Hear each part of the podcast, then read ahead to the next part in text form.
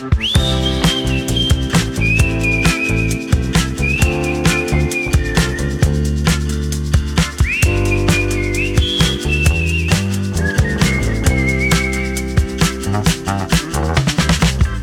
Sílvia. Hola, Andreu.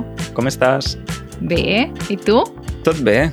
Mira, ja som a finals de setembre i bé, amb ganes que s'acabi ja l'estiu, que hem passat molta calor últimament. sí, la veritat és que sí. Però sempre ve de gust el setembre, no? És com una nova etapa. Per mi és com que comença el nou any Mm -hmm. i és una època que estic contenta. El nou any pel curs acadèmic, no? Vols dir? Sí, exacte. Mhm. I el millor és que després ve l'octubre, que és el millor mes del mes, el millor mes de l'any. Això només ho dius per, perquè ets d'aquest mes. Potser sí. Bé, deixa'm que faci una actualització sobre l'episodi dels temes tabú que vam fer fa unes setmanes. Uh, Ui, ui, què ha recordes, passat? Sílvia? Sí.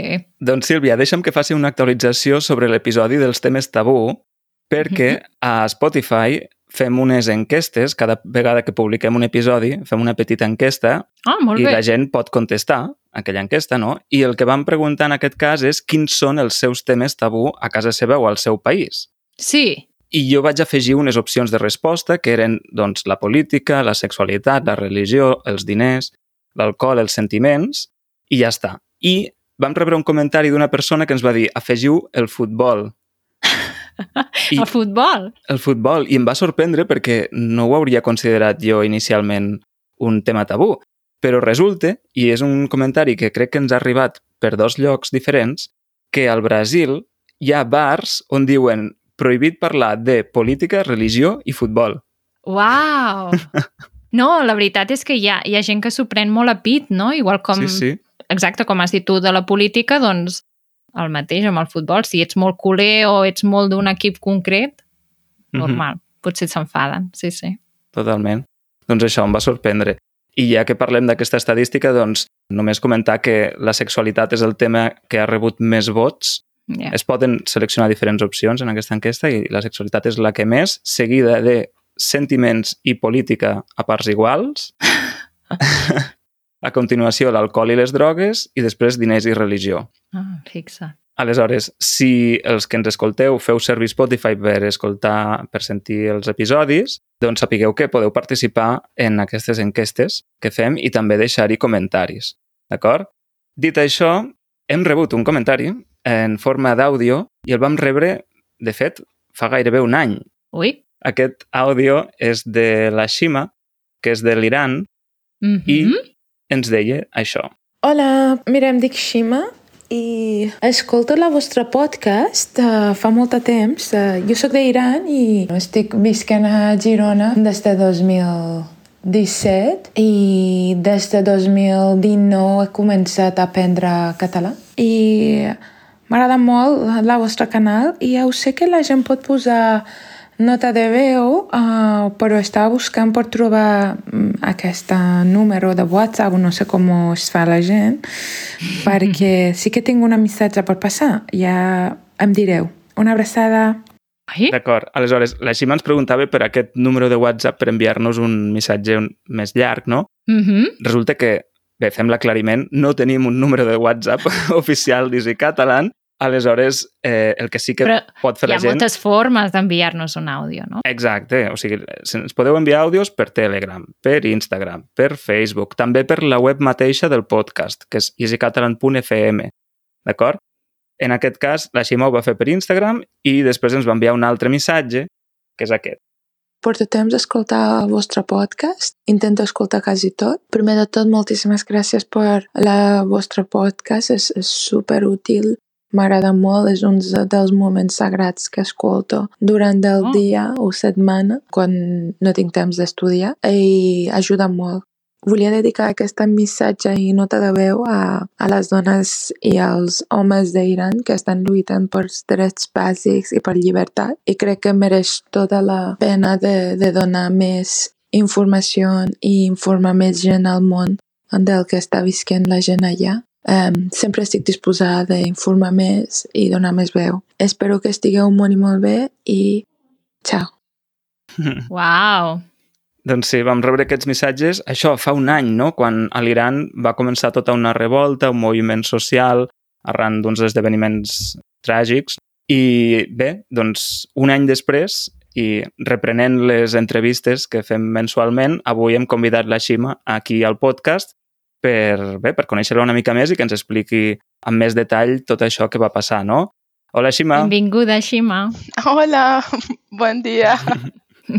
bon dia, com estàs? Molt bé, moltes gràcies. Mira, és que escoltant les meves missatges de veu estava uh -huh. sorprendida perquè no me'n recordava què vaig dir en el seu moment. és que ja fa molt temps, eh? Sí, sí, sí, sí. sí. Sí, sí. Bé, en primer lloc, disculpa l'espera, perquè has hagut d'esperar uns mesos perquè et poguéssim fer l'entrevista, però bé, el que importa és, és això, no? que ja som aquí, més val tard que mai, i penso que tampoc és tard per, per comentar moltes de les coses que van passar perquè encara, encara hi ha un moviment vigent, no? Però bé, abans d'entrar en aquest tema, Xima, primer de tot volem saber algunes coses més de tu, no? Mm. Ens has dit que ets de l'Iran i que vius a Girona, Sí. Però quant temps fa que hi vius? Doncs, no sé, primer de tot, jo sí que volia agrair a vosaltres. Ja entenc que, és, eh, que teniu moltíssims temes i hi ha molta feina per fer, així que gràcies per, per tenir-ho dins de la vostra uh, llista i, i per contactar-me. No? Estic molt agraïda. Amb molt de gust. Gràcies a tu per venir-hi. Merci. Mm. Um, segon, sí, visc aquí. Vaig arribar a, a Girona 2000, mm, en realitat 2016 mm -hmm. per fer els meus estudis, que eren en anglès. Eh, vaig oh.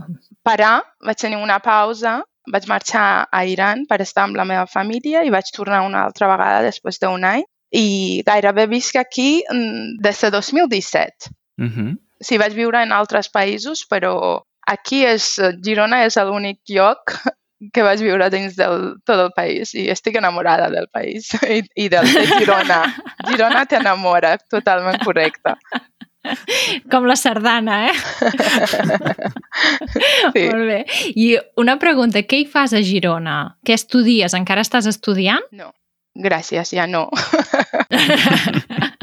No, vaig estudiar, vaig estudiar dos màsters. Uh, vaig fer un màster uh, de sostenibilitat en turisme, que uh -huh. bàsicament per arribar a Girona va ser una casualitat pura, perquè jo vaig fer un màster que cada semestre estudies en un país. Doncs vaig fer la primera uh -huh. semestre en Dinamarca, després em vaig moure a Eslovènia i l'últim uh -huh. semestre, bueno, el tercer semestre era aquí a Girona i per això vaig arribar a Girona en realitat ni sabia ah. què és català, ni sabia que existeix, ni, ni sabia de la causa.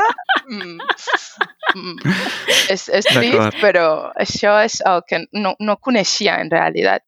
I va ser, un, uh -huh. va ser un, una cosa in interessant i a la vegada un xoque per mi perquè ja tenia un altre pensament abans d'arribar, no? Clar. Uh -huh. I així vaig, vaig estudiar en anglès i després vaig decidir de fer el segon màster també en turisme i planificació en anglès, altra vegada, i ara treballo a la Universitat de Girona.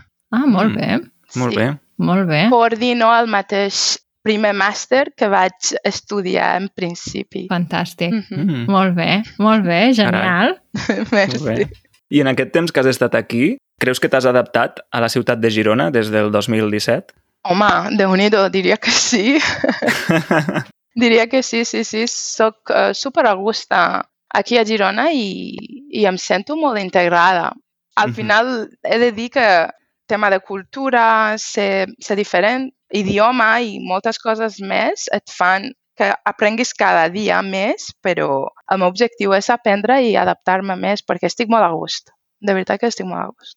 Que bé. I estàs tan a gust que t'agradaria quedar-t'hi per sempre o això? Ui, això és un una pregunta super gran, no? A mi, a mi m'agradaria quedar-me aquí. De moment estic molt a gust, però honestament considero que és la meva casa. No, no considero Wow. marxar, però, Uh -huh. però home, no Que sé, bé. mai se sap, no? Perquè Però això a, és molt bonic. Sí, sí, sí, és molt maco. Sí, però si a mi me preguntaves fa, fa 10 anys si algun dia estaré aquí i parlaria català, no ho sabia, així que mai se sap el futur, però de moment estic super a gust. Molt bé, genial. Per tu va ser una cosa sobrevinguda, no? El català, no te l'esperaves, te'l vas trobar sí. i ara forma part de, de tu, de la teva Totalment. vida. Totalment, estic uh -huh. molt contenta, de veritat. Si a mi, qui em pregunti... De fet, potser parlo millor cas, català, molt millor català que castellà, i moltes vegades ah, la gent mira. em pregunten si vols viure a algun lloc, jo em sento que si vols estar integrada, estar amb la gent d'aquest poble, has de parlar la seva idioma si vols estar bé. I em sento uh -huh. super al gust des que puc parlar català, de veritat, no sé, no sé, em sento molt, molt més a gust. Sí. Molt bé. Que bé. Fantàstic. Mm -hmm. Gràcies. I t'ha resultat fàcil conèixer gent nova? Um, doncs, bueno, fàcil. Vaig viure en molts països abans d'arribar sí? aquí, doncs així és una mica, sí que estic acostumada de, de fer amics i obrir. Ah. Soc una persona super social però és cert... Això fa molt. Sí, fa molt, però és cert que també, també tenim aquest concepte de tenir colla aquí a Girona, la gent mm -hmm. la teva colla. Sí. Sí, tinc colla, però saps aquestes colles que la gent porta des de la seva infància? Jo sí, m'agradaria sí. ser-hi part d'unes d'aquestes. estic, estic allà. D'acord. Molt bé. Fem un parèntesi. Potser hi ha gent que no ha entès aquesta paraula de colla. Què és una colla? Ah, doncs eh, això és el que jo volia aprendre, perquè a vegades um, la gent de, de Girona, no sé si això vol dir a tota la Catalunya o no, però a Girona jo penso que és un part de la, de la cultura, un part de la, de la cultura de gent. Un grup de gent que des de fa molt de temps coneixen entre ells i surten, fan moltes coses, fan vacances de fet, queden després de feina. És que saben tot de tot. quasi, quasi. I, I si tu vols entrar en una d'aquestes colles, gairebé has de ser una parella d'algunes d'aquestes persones de la colla un super duper amic o amiga d'unes d'aquestes, però millor que siguis parella, perquè si no és més difícil, penso jo. Hey, és un bon consell, aquest. Sí. D'acord, per tant, en resum, una colla és un grup d'amics, bàsicament. Exacte. Exacte. Uh -huh. Que surten junts, normalment. Uh -huh. Perfecte. D'acord, doncs ara, si us sembla bé, centrem-nos en el teu país d'origen. Sí. D'acord, en l'Iran. En el teu missatge ens deies que volies explicar-nos una mica la situació de l'Iran sí. arran de la revolta de les dones que va començar l'any passat, no? Justament fa un any. Sí. Des d'aleshores, clar, han passat uns quants mesos, un any, i potser molts de nosaltres, no, o dels nostres oients, no tenim gaire present tot el que va passar. Aleshores, ens podries refrescar la memòria i explicar-nos així breument això, el que va passar a l'Iran a finals de l'any passat? És clar. Doncs mira, l'any passat eh, el que va passar, van... això va sortir en principi que el 16 de setembre de 2022 la policia moral va matar eh, una noia de 22 anys que es diu Massa Amini mm -hmm. perquè portava el vell o hijab malament. Aviam, com s'ha matat, això mm. també s'ha de dir, perquè en Iran quan una persona no es porti bé el seu, tapar el, el seu cabell o, jo què sé, el seu vestiment, que està basada en la llei que tenim allà a Iran, del govern actual, doncs et poden portar amb els cotxes dedicades d'aquesta policia moral i allà et donen lliçons sobre com has de fer-ho, no? Uh -huh. No és relevant de veritat si tu creus o no. El que fan és et porten igualment. Això va passar a Massamini i quan volien portar-la, no sé com, com va passar, li van donar un cop de cap a algun lloc, no sé com li van pressionar, no, exactament no sabem exactament què va passar, que va morir, però la noia va entrar a coma i va morir. I això va ser com l'últim got, jo penso que uns dels gots que cau dins de la, del got i tu dius, ja prou, no? I la gent, mm -hmm. més que eres la, la generació jove, van començar a fer manifestacions i sortir de casa i, i en principi més, més les dones i després un part gran de la societat, dic jo. Mm -hmm. Però generació jove, amb menys por. Vull dir, jo sóc jove, però jo sóc la generació en què vaig poder sortir del país i, i, i seguir els meus somnis fent altres coses, mm. amb molta por interior, no?, que portava, però jo penso que la generació jove d'actual que tenen 18, 19, 20, 22, 24, 5 màxim són els més valents que, que han sortit sense molt de por. I, I això va ser al principi. Una pregunta, Xima. Mm. Has parlat de por, mm -hmm. de, que tenies com una por interior. Aquesta por interior és per al que els hi podria passar a la teva família o als teus amics que eren allà? O per tu mateixa? O pel teu país? bueno, aquest por um, és un por, jo penso, interioritzada de dir home, jo m'he de portar aquest tipus de vestiment així perquè si no aquesta policia em pot portar i jo no m'agrada això perquè la conseqüència segurament no és el que jo busco. Si vull sortir del país, si vull viatjar, si tinc moltes mm -hmm. coses al cap, doncs mm, si m'agafen em podran fer un antecedents penals i mai sabrà aquest antecedent penal perquè seran, no eren, saps? Ningú país sabrà mm -hmm. per què t'ha passat això. Clar. De fet, et posen molts problemes per la teva família, després per feina, etc, etc. I no vols, no és agradable que la policia t'agafi. És desagradable que ho passi. Doncs aquesta clar, clar. por és, és un por que jo personalment vaig portar quasi tota la meva vida i, i porto, oh. honestament. És, és una de les coses que m'ha afectat molt i m'ha tocat moltíssim quan va començar aquesta revolta. Una pregunta, aquesta policia moral mm -hmm. hi ha estat sempre? O sigui, des de quan hi és aquesta policia moral? No, no ha estat sempre.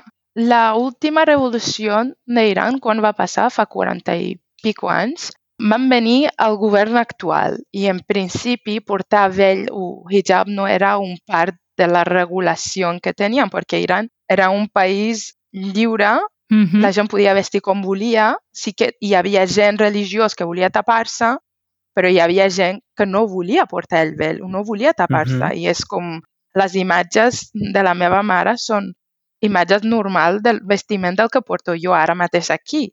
Però de la seva època, de la seva joventut, portava la seva roba que volia, però des que jo me'n recordo i jo vaig néixer, aquest govern actual ja existia i des de llavors sí que jo per entrar a l'escola sempre hauria de tapar-me. Qualsevol lloc públic jo hauria de tapar-me des de que, bueno, per, per escola des de que tinc 7 anys, però per la carretera des de que tu arribes a ser adolescent t'has de tapar i tenir una, una, un cos més femenina t'obliguen uh -huh. que et tapis. I això no és una, una cosa que tu creus ni la teva família. Si vols, podies fer-ho abans, però ara és mm. obligatòria. Wow, clar. Una pregunta, o sigui, estàs estàs remarcant molt el tema de, de, de la forma de vestir, del vel i de tot com molt enfocat a les dones. Això significa que persegueixen més a les dones que no pas als homes?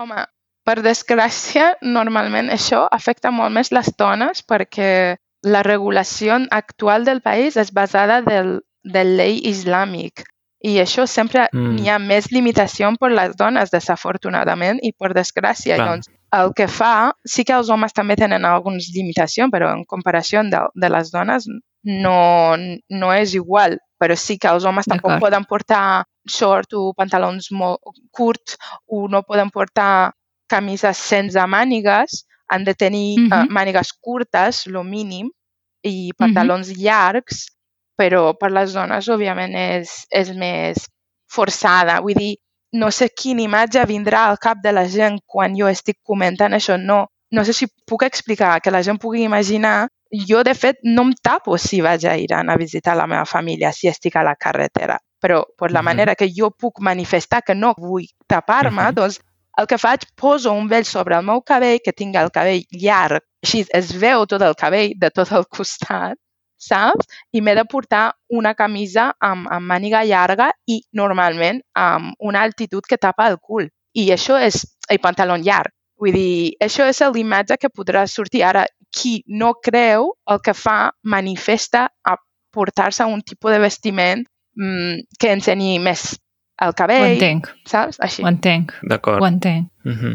Però clar, això, això també, per una banda, t'estàs revelant no? Uh -huh. segons la vestimenta que tu portes, però d'altra uh -huh. banda també pots sentir aquesta por que comentaves al principi, no? Sí. És com que la policia potser et pot parar o et poden dir alguna cosa uh -huh. o... O et poden portar. Mm -hmm. sí. Aleshores, Xima, has parlat d'aquest fet que va ser la gota que va fer vessar el got, no? Mm -hmm. La mort d'aquesta noia. Mm -hmm. I a partir d'aquí va haver-hi tota una sèrie de protestes moltes dones que van treure's el vel, uh -huh. no? estudiants, noies joves, sobretot, com has dit, uh -huh. i què ha passat des de llavors? No? O sigui, un any després, com ha evolucionat aquest moviment? Doncs um, he de dir que al, al moment que va passar tot això sí que les manifestacions eren més gros, la gent sortia a la carretera, volia manifestar amb un, bueno, alguns moments més, més tranquil, alguns moments amb, amb veu alta, saps? A la manera que podien, però des de llavors ja passa molt de temps. La gent ha de tornar a la seva normalitat en una forma, però els revolucions, això, això és el que jo volia insistir a dir, que una revolució no és d'un dia per altre. Yeah. Si oh, a les mèdies o als um, xarxes socials o dins de les informes que rebem no n'hi ha cap informació uh, sobre Iran, no vull dir que la revolució s'ha parat ni,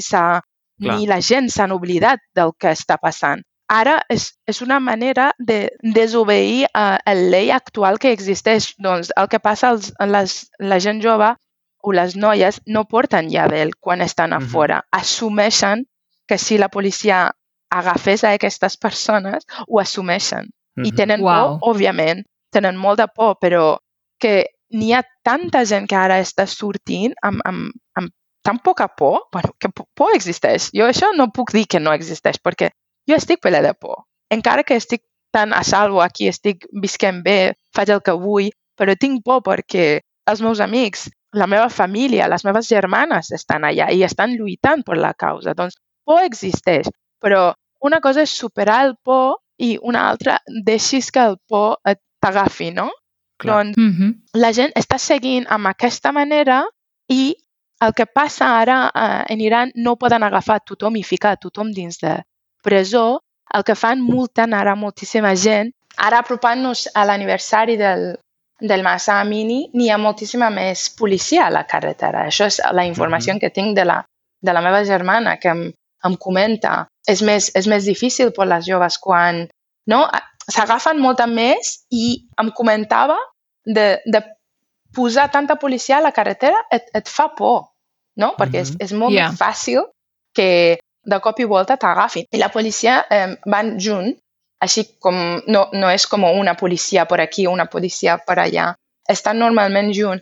I, i això causa, causa por i multen uh, els joves, uh, multen les, els cotxes, uh, que una persona, si fan fotos dins del cotxe, multen la persona que té el, el cotxe i el, els multes has de pagar i després has d'anar-hi al jutge o els negocis que treballen amb Instagram. Instagram està filtrada en Iran i moltes joves treballen amb aquestes mitjanes. I doncs estan cridant, estan tancant totes aquestes línies de telèfon que treballen amb aquestes xarxes i els criden per, per jutjats. I Saps? Això, mm -hmm. això és molt de por que estan escampant dins de la societat i entre les joves. I això no és broma. No poden agafar tothom a ficar-los a la presó, però aniran al restaurant i diran si no està a peu, tanquem el restaurant. I el pobre uh, propietari del, del restaurant què farà? Demana a la gent que, si us plau, necessito donar menjar als meus fills, saps? I la gent es tapa, no? Saps? Perquè la gent sí, estima sí. entre ells. Així estan fent en una forma per seguir, però és molt lamentable el que mm -hmm. està passant. Ja. Yeah. Wow. I ja sé que no sabem què passarà, no? Però cap a on creus que avançarà tot plegat? A mi em pregunta molta gent com ho veig jo, això. Jo he de dir, això és, un, és una cosa molt emocional per mi quan ho comento, però jo vaig sortir d'Iran 2014 i me'n recordo quan volia fer aquesta decisió de sortir, va ser el meu pare que em va dir aquest govern no va canviar dins de la teva vida. Així que, Ai. Um, si vols viure... Perdó, estic molt emocionada, un moment. Yeah. Tranquil·la. Va, ja està. Doncs el meu pare em va comentar que aquesta govern no va canviar dins de la teva vida. Així que si vols fer el que vols i que siguis una dona lliure, com mm. ets, doncs nosaltres et donem tota la suport que poguéssim perquè tu facis el que vulguis. I mhm. -huh. va ser, va ser, jo tenia per suposat que el govern no va canviar doncs, dins de la meva vida.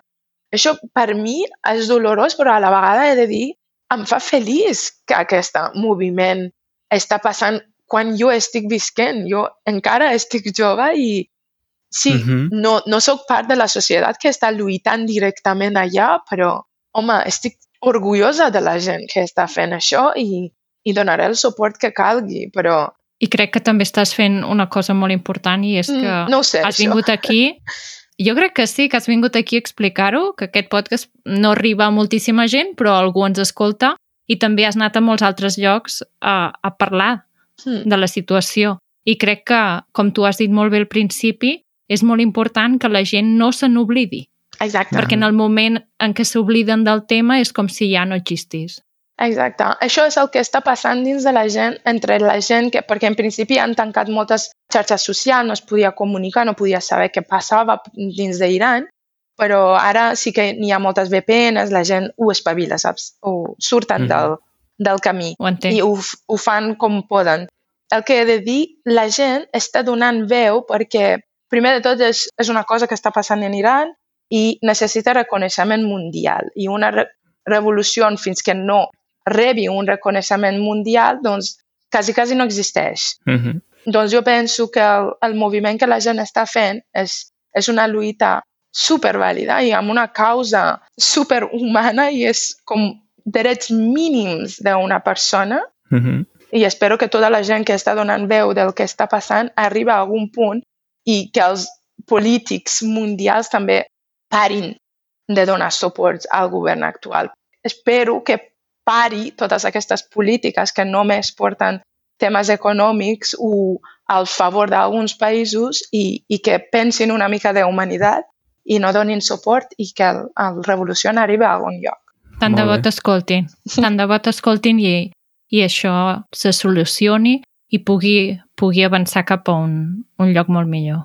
Moltes gràcies, espero. Doncs, si us sembla bé, deixarem l'expressió de, les, de la setmana per al bonus, mm -hmm. d'acord? Perquè estem una mica fora de temps. Aleshores, acabarem l'episodi aquí. Per tant, Xima, moltes gràcies per haver vingut, per haver eh, acceptat l'entrevista i haver-nos explicat el, bé tot això des de la teva perspectiva, des de, des de les, la teva vivència i haver-ho compartit, perquè m'ha agradat molt aquesta reflexió que has fet, no? que perquè els mitjans no en parlin no vol dir que no estigui passant res.